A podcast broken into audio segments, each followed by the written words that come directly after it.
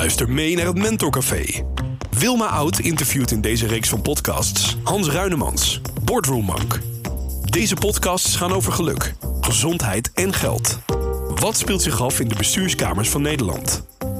Commissarissen, topmanagers en CEO's krijgen hier allemaal mee te maken. Happiness, health en wealth. Kortom, het woord is nu aan de interviewer en de business mentor. Luister mee naar een nieuwe podcast van het Mentorcafé. Jaloezie, een negatieve emotie. Heel stoer zeg ik nu, hier in deze microfoon, dat ik totaal geen last heb van jaloezie. Maar dat is niet helemaal waar. Ten diepste benijd ik vrouwen die op eigen kracht een vette carrière hebben opgebouwd en daarvoor beloond zijn met een rietgedekt villaatje in een lommerrijke laan, zelf verdiend. En ik ben oprecht jaloers, consequent in mijn jaloezie ben ik dus ook al niet, op vrouwen die wonen in een ultra luxe strandhuis in Florida. Elke dag teenslippers, man oh man. En meer dan stik jaloers ben ik op vrouwen die vol zelfvertrouwen over de wereld rondreizen. Ik wil ook in een jeep door de woestijn van Mali. Hier in deze podcaststudio in Bussum. Bussum, mensen, hoe anders klinkt dat dan? Bloemendaal, Florida of Mali. Maar hier in Bussum dus bevraag ik Hans Ruinemans, Boordroem Monk, over de emotie jaloezie. Dit is onze elfde podcast en Hans zit geduldig klaar voor jou. Hans, hoe erg is het eigenlijk om jaloers te zijn? Nou, Wilma, allereerst wil ik even zeggen dat ik het ontzettend waardeer dat je hier toch zit met mij. Ondanks dat je liever zou leven in Bloemendaal, Florida of uh, wat was het ook alweer? Mali of elk ander of elke andere avontuurlijke plek in de wereld. Ja, Mali. Je zegt dat je jaloers bent, maar de vraag is of jouw gevoel wel onder het begrip jaloezie valt.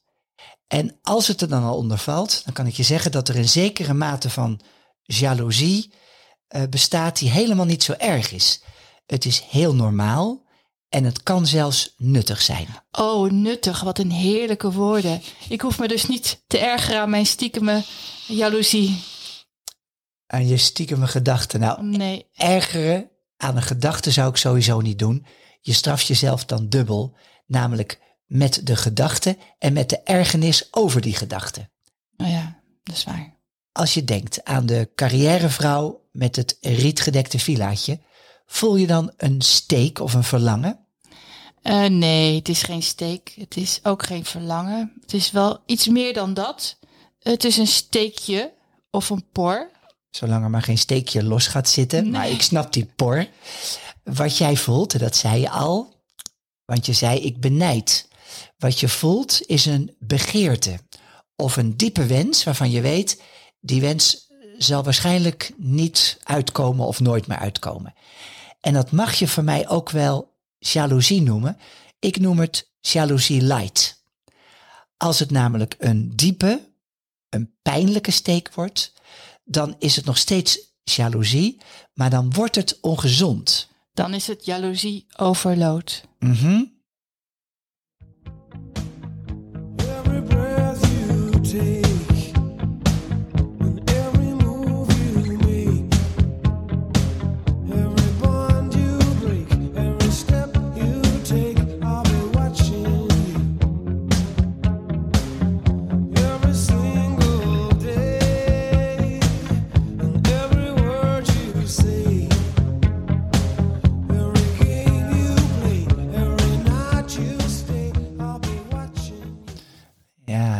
Hè, met I will be watching Every, nee, you. every breath you take.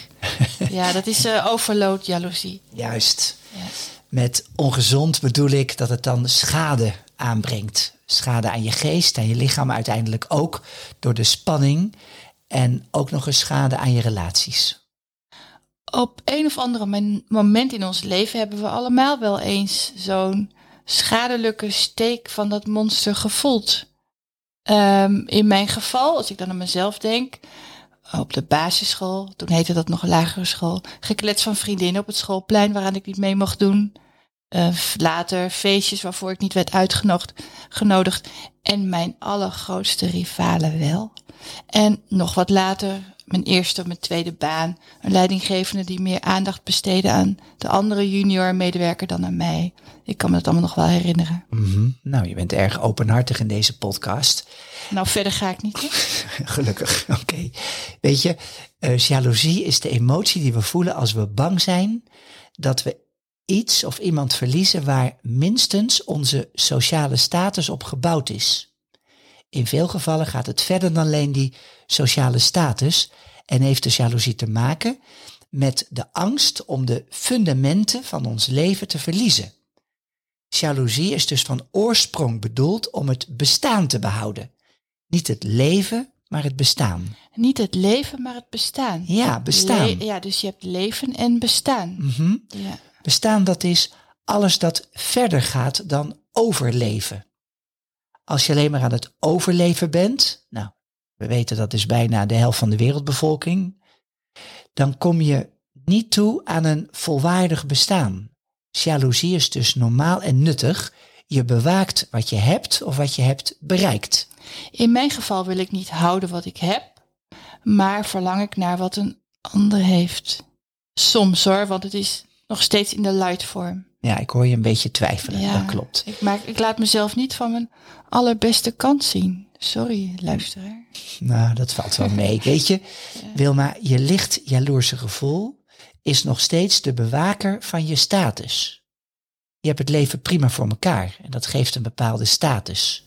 Dat is een plek op de apenrots. En die heb je als mens nodig, ook als je geen aap bent. Of eigenlijk daaruit blijkt dat we allemaal nog een beetje aap zijn. De status houdt je in leven. Niet echt natuurlijk, maar ons oerbrein denkt dat nog wel. Je oerbrein wil omhoog, naar de top op die rots. Nou, je ziet dat andere vrouwen iets bereikt hebben, of iets bezitten, of iets doen, dat jij ook zou willen. En dat ervaar je als een bedreiging van je status. Want zij staat er al, of zij is, zij woont al in dat rietgedekte villaatje.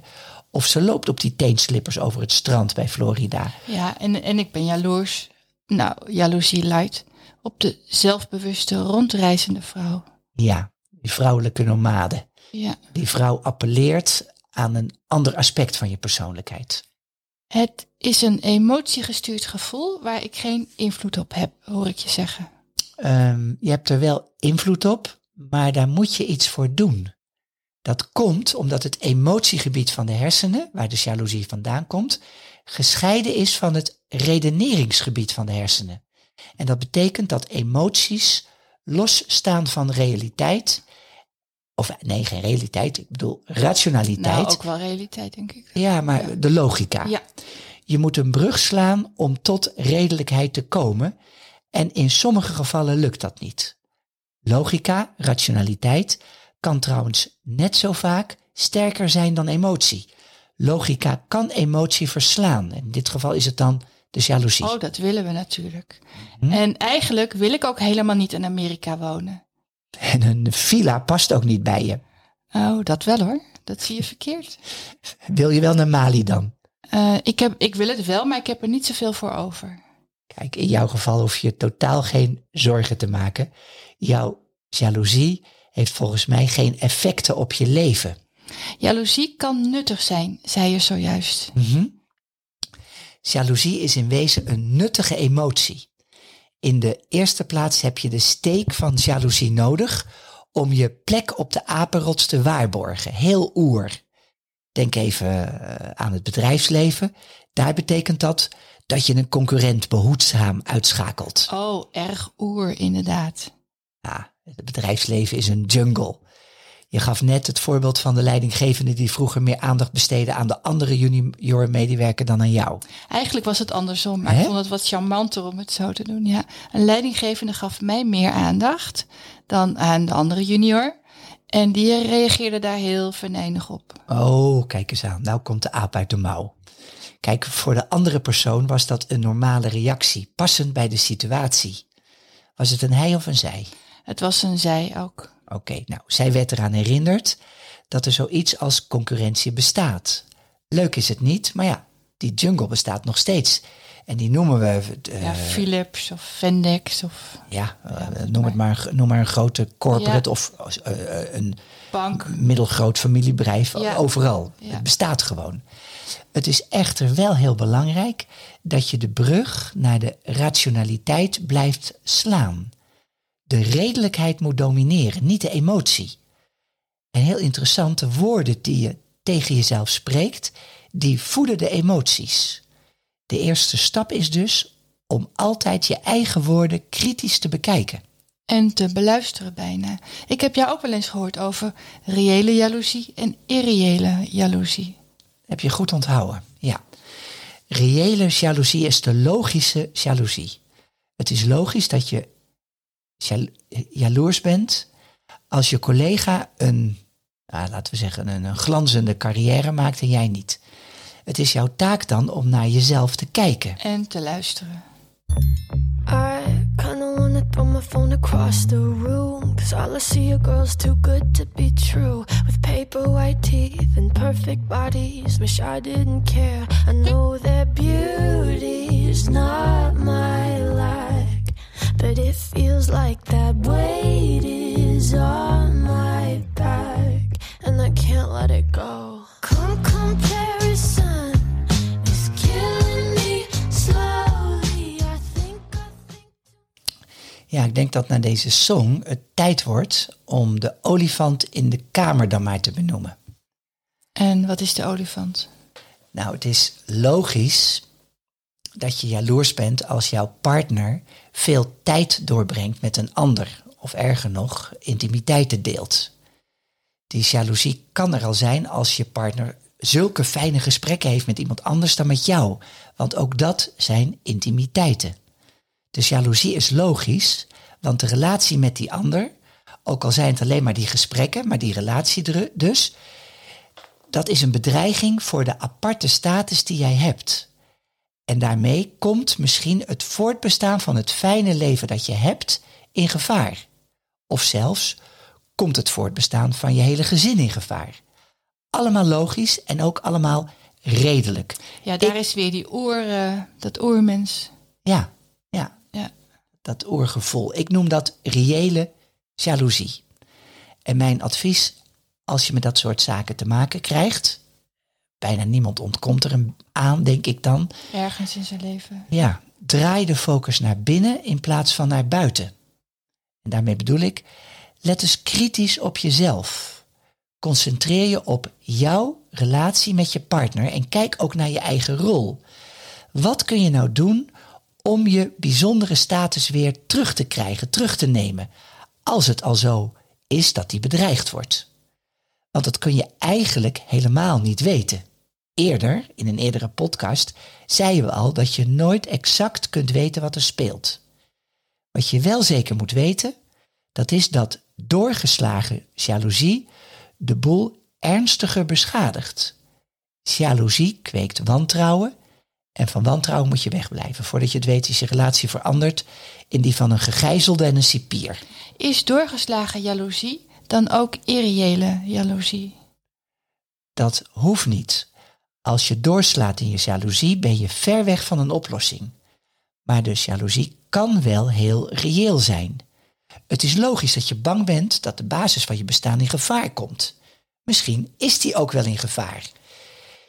Dus jaloezie is doorgeslagen en dat brengt je verder weg van het doel dan ooit. Maar reëel is het misschien wel. Het, wanneer wordt het nou irreëel? Ja, hè? ja. Ik, ik zag je al met een vraagteken kijken. Ja.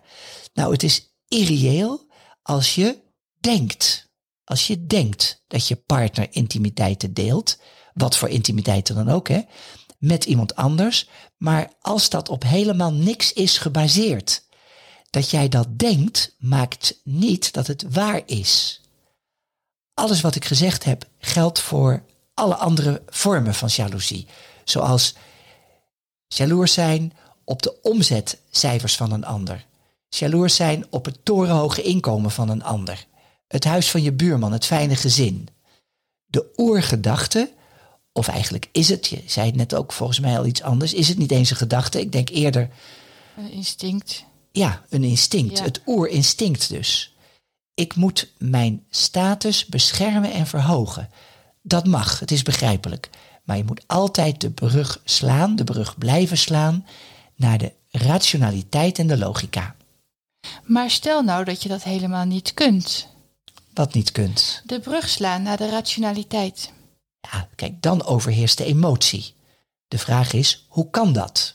Nou, ik heb zelf een keer iemand begeleid die last had van extreme jaloezie. En in dit geval ging het om een zakelijk partnership. Het wordt wat minder smeuig dan je misschien verwachtte. Ja, nou, nee, laat het maar, Maar zo. dat is voor mij niet veel anders dan een private partnership, hoor, om het maar zo te noemen. Van de twee partners, laat ik ze Joop en Jan noemen, was Joop de verschrikkelijk jaloerse. Hij was jaloers op Jan en eigenlijk was hij jaloers op Jan en alle man. Oh, haha, leuke woordspelingen. Nou, Jan had natuurlijk last van de jaloezie van Joop. Jan had Joop min of meer gedwongen om een paar sessies, terwijl er ietsje meer, bij mij te doen als business mentor. Nou, wat was nou de casus? Joop had zich omhoog gewerkt van een straatschoffie met een LTS-diploma tot mede-eigenaar van het middelgrote bedrijf waar ze alle twee voor 50% in zaten. Die Jan had de HTS gedaan. En het ging Jan ook allemaal veel makkelijker af. Jan en Joop hadden ieder een heel andere startbaan van waaruit ze ooit vertrokken waren. Of van waaraf ze waren opgestegen. Die van Joop was slecht, hobbelig en vol rotzooi. Die startbaan, dat is de eigenwaarde. Dus de startbaan van het leven van Joop was slecht. En elke nieuwe dag, steeds weer opnieuw, startte hij vanaf die lelijke, vanaf die slechte startbaan. Die startbaan moest worden opgeruimd en geasfalteerd. Niet opnieuw geasfalteerd, want er lag helemaal geen asfalt. Hoe beter, eh, nee, hoe sterker je eigenwaarde, des te beter is je startbaan. Klopt dat? Mhm. Nou, wat Joop heeft gedaan, dat is dat hij zijn hele leven in kaart heeft gebracht. Met jou erbij. Mhm. Alles dat niet lekker liep, dat heeft hij geëlimineerd. Slechte vrienden. Eh, ik zal niet ingaan eh, wat voor slechte vrienden, maar slechte vrienden. Slechte gezondheid. Verkeerd huis, verkeerde uitgaven, echt alles. En dat duurde bij elkaar, let op, zes maanden. Snel, Zeker snel. letterlijk een nieuwe startbaan. Ja. En wat hij ook leerde, was zelfreflectie. Bijvoorbeeld, is het waar wat ik denk? Is het reëel? Weet ik zeker dat het klopt wat ik zie? En deze Joop, zoals ik hem nou genoemd heb, die was echt super slim. Dat asfalteren ging hem goed af. Een leuk verhaal. Hoe is het nu met hem? Hij is uit het bedrijf gestapt, hij heeft zich laten uitkopen en hij is vertrokken naar het buitenland. En weet je wat hij nu doet? Ehm, nee, zeg het maar. Hij bouwt nu korte landingsbanen in Oost-Afrika. Nou, wat gek. Maf, hè? Ja. De kracht van het denken is nog veel gekker dan je denkt. Oh, tegeltje. Tekst op een koffiemok. Ah, voordat het te melig wordt. Het was een heel leuk verhaal dat van Jan en Joop. En ik ben blij dat jij me verteld hebt dat mijn jaloezie eigenlijk helemaal geen jaloezie is. Of op zijn slechts is het jaloezie light en totaal begrijpelijk. Klopt. Maar laat ik dan, voordat ik meer over mezelf moet gaan vertellen, ehm, het, eindig, het einde van deze podcast maar aankondigen. Ben je daarmee eens of heb je er nog iets over te zeggen? Eh, ik, ben er, ik ben het er helemaal mee eens. Oké. Dankjewel luisteraar dat je erbij was. Je doet ons een groot plezier door je te abonneren op het Mentor Café, zodat onze concurrenten jaloers op ons zijn. Je hebt goed geluisterd. Ik ga nu snel terug naar mijn rietgedekte villa. ja, ja. Tot de volgende keer. Tot de volgende podcast. Tot de volgende podcast.